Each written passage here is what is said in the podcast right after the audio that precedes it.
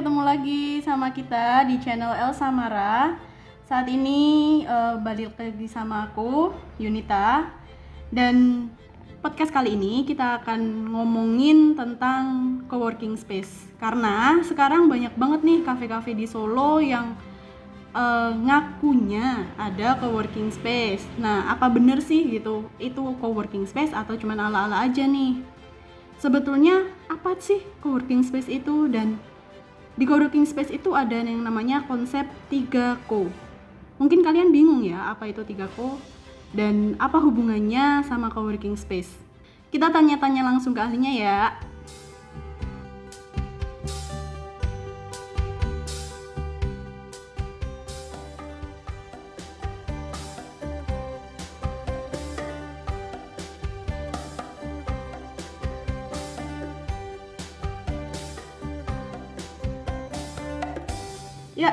Sekarang di depan saya udah ada seseorang yang paham betul tentang coworking space dan beliau merupakan manajer dari salah satu coworking space di Solo yaitu El Samara Coworking Space. Hai Mas Victor, apa kabar? Hai Kak Yunita, kabar baik Kakak Yunita? Apa kesibukannya sekarang Mas? Nah, eh, jadi kalau sekarang sih sibuknya di sini aja sih Mbak di coworking space. Cuman ya ini ya karena coworking space itu emang identik dengan people ya. Maksudnya kan kita sering banget nih ketemu dengan orang ya kan kita berhubungan sama orang. Ah, ya akhirnya saya juga ini sering banget punya kesibukan lain yaitu ya ini gabung dengan komunitas-komunitas yang ada di Solo yang memang saya sendiri juga ada beberapa yang menjadi koordinator di dalamnya jadi emang kesibukan saya yang lain selain di El Samara eh, saya juga aktif di komunitas ya jadi ada komunitas startup ada komunitas game developer ada komunitas Solo Local Guide dan yang lainnya Banyak banget ya. Iya. Jadi emang serba-serbi eh, coworking space itu identik dengan people otomatis ya nggak jauh-jauh dari masalah people juga sih kak. Oke. Kita mau bahas coworking space nih Mas. Apa sih coworking space itu Mas? Ya un- untuk yang kita sebagai orang Solo mungkin masih ini ya agak bingung dengan coworking space karena ya eh, coworking space itu sendiri masih terbilang baru, masih terbilang menjadi satu industri yang masih dia itu mencari tempat gitu loh di dalam di dalam ini ya di Indonesia ya. Jadi kalau di luar sana itu udah di luar negeri maksud saya itu sudah cukup populer. Cuman kalau di Indonesia itu belum merata popularitas dari coworking space ini. Karena rata-rata di apa ya di Indonesia ini coworking space masih pesatnya tumbuh itu di Jakarta. Ya kita tahu sendiri kan di ibu kota itu kan pasti banyak sekali eh, bisnis-bisnis ya, bisnis-bisnis yang mereka tuh butuh ruang nih, butuh ruang, butuh tempat untuk mereka tuh bisa yang pasti kerja ya. Mereka kan berbisnis otomatis melakukan suatu pekerjaan. Nah cuman mereka itu kan ketika kerja itu tuh nggak cuman sekedar bekerja gitu loh. Tapi kan mereka juga pengen ketika mereka itu bekerja menjalankan usaha usaha mereka itu bisa tumbuh dengan baik dengan cepat ya kan?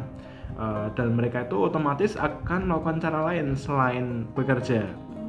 Yaitu mereka pasti akan berguru. Mereka akan mencari relasi ya kan tadi kan berguru itu maksudnya mencari mentor atau mencari relasi mungkin mencari investor atau mungkin mereka mau menjadi partner atau mungkin juga mereka nyari klien baru yang bisa potensial buat bisnis mereka.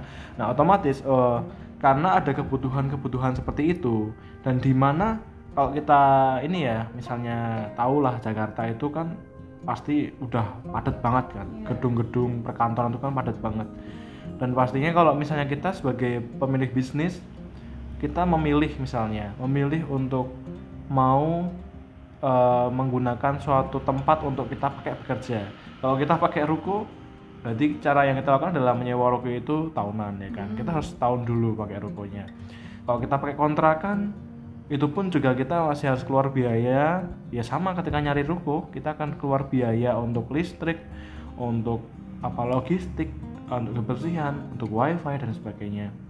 Nah cuman di sini tuh ada satu alternatif yang bisa eh, para pebisnis ini pakai yaitu namanya coworking space. Karena coworking space sendiri itu bisa memangkas biaya-biaya yang yang sebenarnya tidak diperlukan untuk mereka bayar. Kayak misalnya listrik uh, logistik ya kebersihan. Terus kayak gimana gitu loh. Makanya coworking space itu yang ditawarkan adalah itu. Untuk menjawab masalah-masalah dari kos-kos yang sebenarnya ya udah kan kita kan fokusnya kan kerja gitu loh. Fokusnya kan kerja ya udah kita kerja aja. Makanya ada tempat nih yang udah menyediakan fasilitas-fasilitas kayak udah ada listriknya udah ada wifi-nya udah ada meja dan kursinya. Dan tadi udah ada relasi-relasi yang bisa kita pakai untuk mengembangkan bisnis kita. Nah itu tuh namanya coworking space. Ke kalau yang aku pernah denger itu kan ada yang working space. Nah bedanya apa tuh mas sama coworking space? Nah jadi kalau working space sama co-working space itu kan sebenarnya sama-sama tempat ya. Karena sama-sama space kan sama-sama tempat yang memang dipakai sejatinya untuk bekerja. Cuman ya itu tadi ketika kita uh, mengatakan co ya ada co di, di, di depannya itu maka akan sedikit berbeda kita memaknai suatu co-working space. Karena kalau working space itu ya udah kita mungkin fokus kerja aja. Tapi kalau co-working space ya itu berarti ada nilai tambah yang bisa dimasukkan ke dalam satu nama ini satu nama co-working space ini. Dan di sini tuh ada ini ya kak ya. Ada kita tuh punya satu prinsip gitu loh di dalam co-working space. Yang perlu kita jaga dan perlu kita apa ya kembangkan terus. Dan itu tuh yang membedakan antara working space sama co-working space. Jadi uh, kalau boleh saya jelaskan kenapa ada co di, di depannya itu? Itu tuh karena kita memaknainya itu ada tiga co-nya itu. Jadi co yang pertama itu adalah community. Hmm. co yang kedua itu adalah connect. Co yang ketiga adalah collaboration jadi di situlah letak perbedaannya. Ketika kita datang ke working space, otomatis misalnya kita punya kantor ya, kita di kantor itu, ya mungkin kita ketemunya cuma sama teman-teman kantor kita doang. Kita bisa kenalnya juga sama kantor teman sekantor mereka doang. Uh, dan kolaborasinya juga pastinya kerjasamanya ya cuma di satu entitas itu di satu company itu. Cuman bedanya kalau di coworking space kita tuh bisa. Setiap hari itu bahkan ketemu dengan orang baru. Iya. ketemu dengan orang baru yang di situ tuh kita tuh juga akan dibantu oleh apa ya oleh para staff-staff di coworking space ini untuk saling kenal. Dari orang-orang yang baru tadi kita bisa diajak untuk kenalan dengan mereka atau kita bisa bilang kalau kita membutuhkan seseorang yang seperti apa. Dan akhirnya kita tuh bisa saling kenal gitu loh saling kenal dari saling kenalnya itu tadi dari pendekatan-pendekatan yang dilakukan dengan para relasi-relasi baru itu alhasil kita itu punya banyak opportunity atau potensi untuk bisa bekerja sama juga dengan mereka. Jadi mereka yang awalnya kita tidak kenal dari mana backgroundnya dari mana asal uh, kantornya atau siapa mereka itu tuh bisa kita kenali bisa kita ajak kenalan dan akhirnya dari kenalan-kenalan dari seringnya ngobrol uh, akhirnya bisa ada sesuatu yang terjalin. Contohnya ya bisa aja tuh orang-orang tersebut jadi klien kita. Orang-orang tersebut jadi partner bisnis kita ataupun jadi mentor atau bisa jadi investor. Kayak gitu kan berarti memang uh, intinya adalah koneksi itu itu tadi ya kalau co-working space? Ya jadi kalau co-working space itu adalah memberikan suatu apa ya? Kita bilangnya adalah suatu experience baru dalam bekerja. Karena di dalam pengalaman itu tadi kita itu nggak cuma itu sekedar bekerja, tapi kita tuh ya ini bisa mendapatkan satu community baru, bisa akhirnya punya collaboration baru. Istilahnya ya kita itu jadi nggak cuma sekedar bekerja aja, tapi itu kita langsung bisa untuk ya ini semuanya tuh nggak uh, jauh-jauh dari masalah relasi. Untuk apa pun itu kita jalani bisnis kita mau nyari apa itu butuh relasi. Kita mau nyari klien kan berarti kita nyari relasi. Ya kan? Kita nyari apa ya logistik pun nyari relasi. Otomatis co-working space itu sebenarnya menjawab masalah itu. Nah yang tadi di awal aku bahas tadi kan sekarang ini kan banyak banget nih kafe-kafe di Solo yang kita tahu sendiri. Uh, dia tuh menerapkan kata-kata co-working space. gimana pendapatnya Mas Victor tuh cafe dengan ala-ala co-working space? Jadi kalau cafe yang sudah memiliki label co-working space itu se sebenarnya sudah udah ini sih kak. Mereka tuh sudah mem- memenuhi standar space-nya dulu. Hmm. Maksudnya kan mereka tuh udah udah udah udah ada space gitu loh. Karena co-working space itu kan pasti harus ada space-nya dulu nih. Nah, mereka tuh udah punya space-nya ya kan. Cuman ya tinggal sebenarnya mereka improve untuk benar-benar bisa berfungsi sebagai co-working space. Kayak misalnya ya ini kita kembali ke tiga ko yang tadi, community, connect, collaborate. Udah ada belum community-nya? Apakah mereka yang di sana itu cuman datang dan pergi, tidak bisa dikenali, tidak bisa kita tahu siapa mereka, atau mereka bisa mengenali mereka, bisa mengenali para customernya, para pemilik cafe ini. Jadi poin pertama itu sudah terbentuk belum? Kalau belum ya sebenarnya tinggal dijalankan mereka gimana untuk dapat atau membangun community kayak gitu. Ya otomatis akan ini uh, masuk ke ko yang kedua dan ketiga otomatis kalau udah ada community. Kalau udah ada orang-orang yang bisa berkumpul dalam satu ruang, bisa kalian kenali, yaitu kita bisa saling koneksikan, kita bisa saling kolaborasikan. Nah, kalau cafe yang punya label coworking space sudah menjalankan itu, aku pikir itu sudah bisa disebut coworking space. Tapi kalau yang belum dan eh, yang mereka cuman cafe, tapi menurut mereka adalah co-working space adalah space yang enak dipakai untuk bekerja itu ya iya berarti enggak dong. Eh, ya Indonesia itu sering banget, ya ini ya mungkin kita bisa bilang latah lah, kita bisa bilang ikut-ikutan lah ya kan.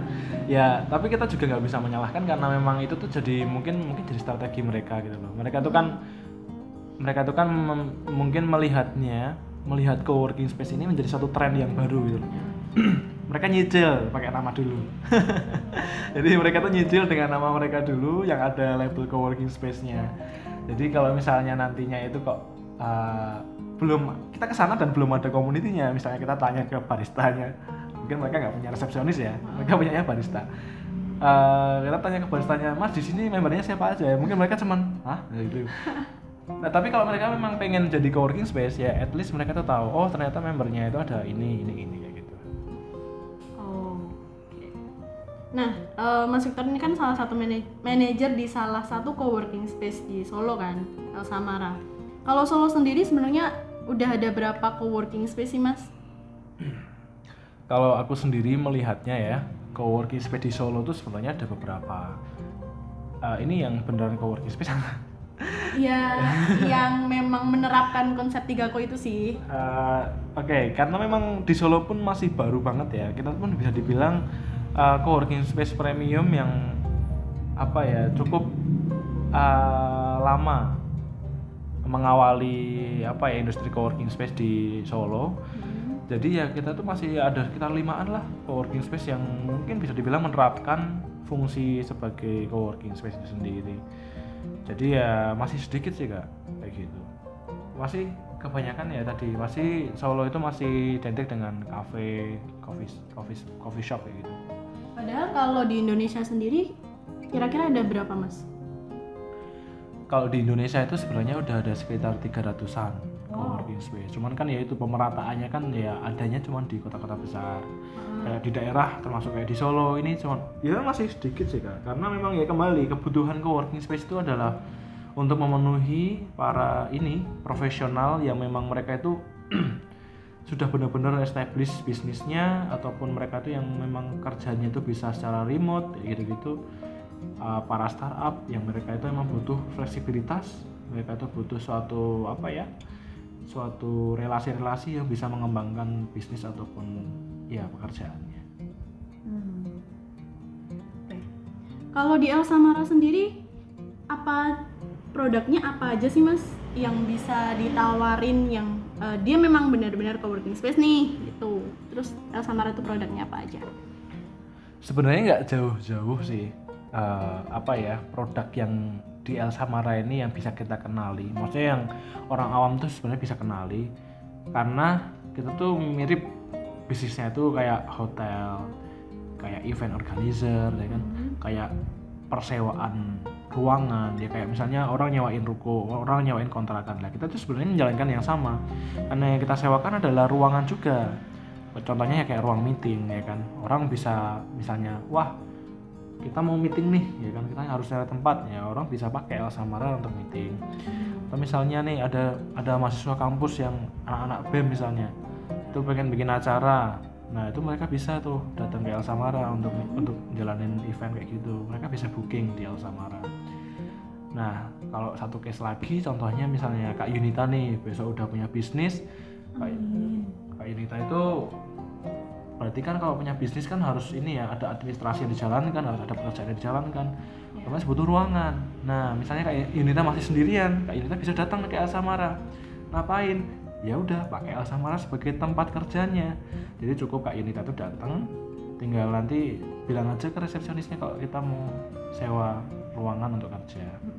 Kayak gitu. Jadi nanti Elsa Mara udah nyediain. Kak Yunita kan pasti butuh meja nih butuh kursi butuh colokan kalau pakai laptop kan. Butuh wifi. Nah itu udah sediakan semua. Tinggal bayar dapat semuanya. Sama yaitu kalau Kak Yunita nanti udah gede nih udah punya staff. Misalnya udah ada tiga orang berarti kan butuh mungkin ruang yang lebih gede atau ruang yang lebih private. Nah kita juga sediakan. Di Elsa Mara itu punya ruangan private. Jadi kalau di Elsa Mara itu ada yang ruangannya itu untuk bareng-bareng kerjanya jadi ada Kak Yunita ada yang lain juga yang sama-sama kerja. Jadi kayak kita di kembali ke konsep nya tadi ya bisa ketemu dengan relasi yang lain. Tapi kalau yang pengen yang private juga ada jadi cukup di satu ruangan yang memang itu tuh untuk perusahaannya kakak aja. Nah kayak gitu sih kak kurang lebihnya produk kita. Kalau fasilitasnya apa aja kak? ya tadi kembali. Kalau misalnya kita kerja kan butuh meja kursi butuh colokan butuh wifi. Kita tuh butuh minum juga kan. Nah minum tuh juga, udah gratis. Minum itu bisa minum air mineral kopi teh gitu. Cuma di sana juga ada kantin kalau pengen jajan. Ya. tapi kalau kantinnya bayar kayak. Nah jadi uh, yang penting dari semua apa ya kebutuhan kantor tadi yang pasti kan selain ada fasilitas pendukung kayak musola toilet dan sebagainya itu kan itu tadi. Akan ada staff yang memang akan membantu untuk kakak itu bisa tanya-tanya. Untuk kakak itu nanti bisa tanya-tanya dan bisa itu kayak curhat mengenai bisnisnya kakak. Misalnya wah uh, mas mbak saya tuh bisnisnya ini apa namanya agak stuck. Saya tuh pengen nyari orang yang bisa ini. Nah istilahnya kalau kakak kayak gitu kan butuh mentor. Nah kita tuh bisa nih ngelingkan kakak uh, ngonekin kakak itu dengan orang-orang yang dibutuhkan sama kakak. Termasuk curhat masalah duit ya? bisa jadi kalau bisa dibilang kalau udah deket ya sama kita ya karena kita kan memang basisnya kan kayak kayak keluarga ya di sini ya di El Samara bisa nih curhat apa pun tuh bisa dicurhatkan. Karena emang kita tuh nggak membatasi sih sama member kita itu untuk ya kita tuh pengennya itu membantu ke semua kebutuhan yang memang mereka itu butuhkan. Kita menjadi solusi dari kebutuhan-kebutuhan mereka Oke, jadi eh, ada apa aja tadi meeting room. Terus kalau yang untuk event-event tadi event space ya mas. Sama kalau yang perorangan share desk. ya kita itu bisa menyebutnya itu share desk kak kalau untuk ruangan yang dipakai untuk kerja bersama-sama jadi ketemu dengan para pekerja yang lain itu namanya share desk Oke oke oke. Oke Mas Victor, thank you banget udah mau sharing tentang coworking space. Terus tadi udah ngobrolin konsep 3ko juga sama membahas produk-produknya Samara yang ternyata bisa banget loh mendukung kreativitas anak muda.